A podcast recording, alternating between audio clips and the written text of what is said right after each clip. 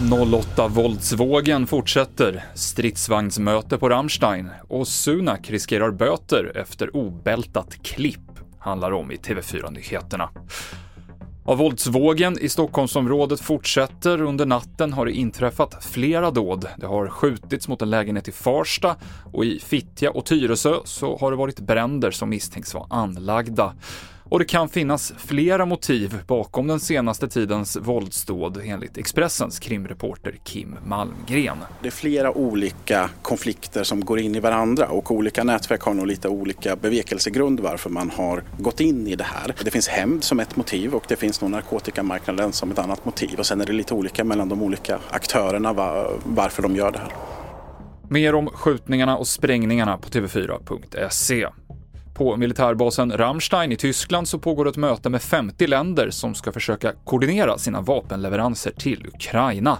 Och mycket kommer att handla om stridsvagnar där pressen är hård på Tyskland att skicka stridsvagnen Leopard 2. Vår reporter i Tyskland, Jonas Källgren, förklarar varför det här inte har skett ännu.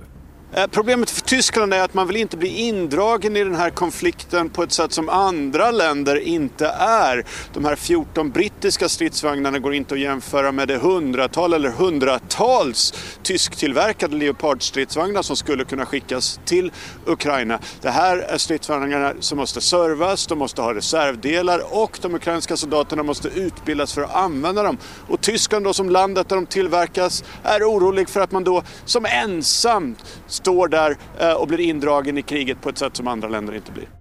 Det sa Jonas Källgren, och ett klipp som Storbritanniens premiärminister Rishi Sunak la ut på sitt Instagramkonto har väckt visst rabalder. I klippet sitter Sunak utan bälte, trots att bilen tydligt är i rörelse, vilket kan ge böter på upp till 500 pund.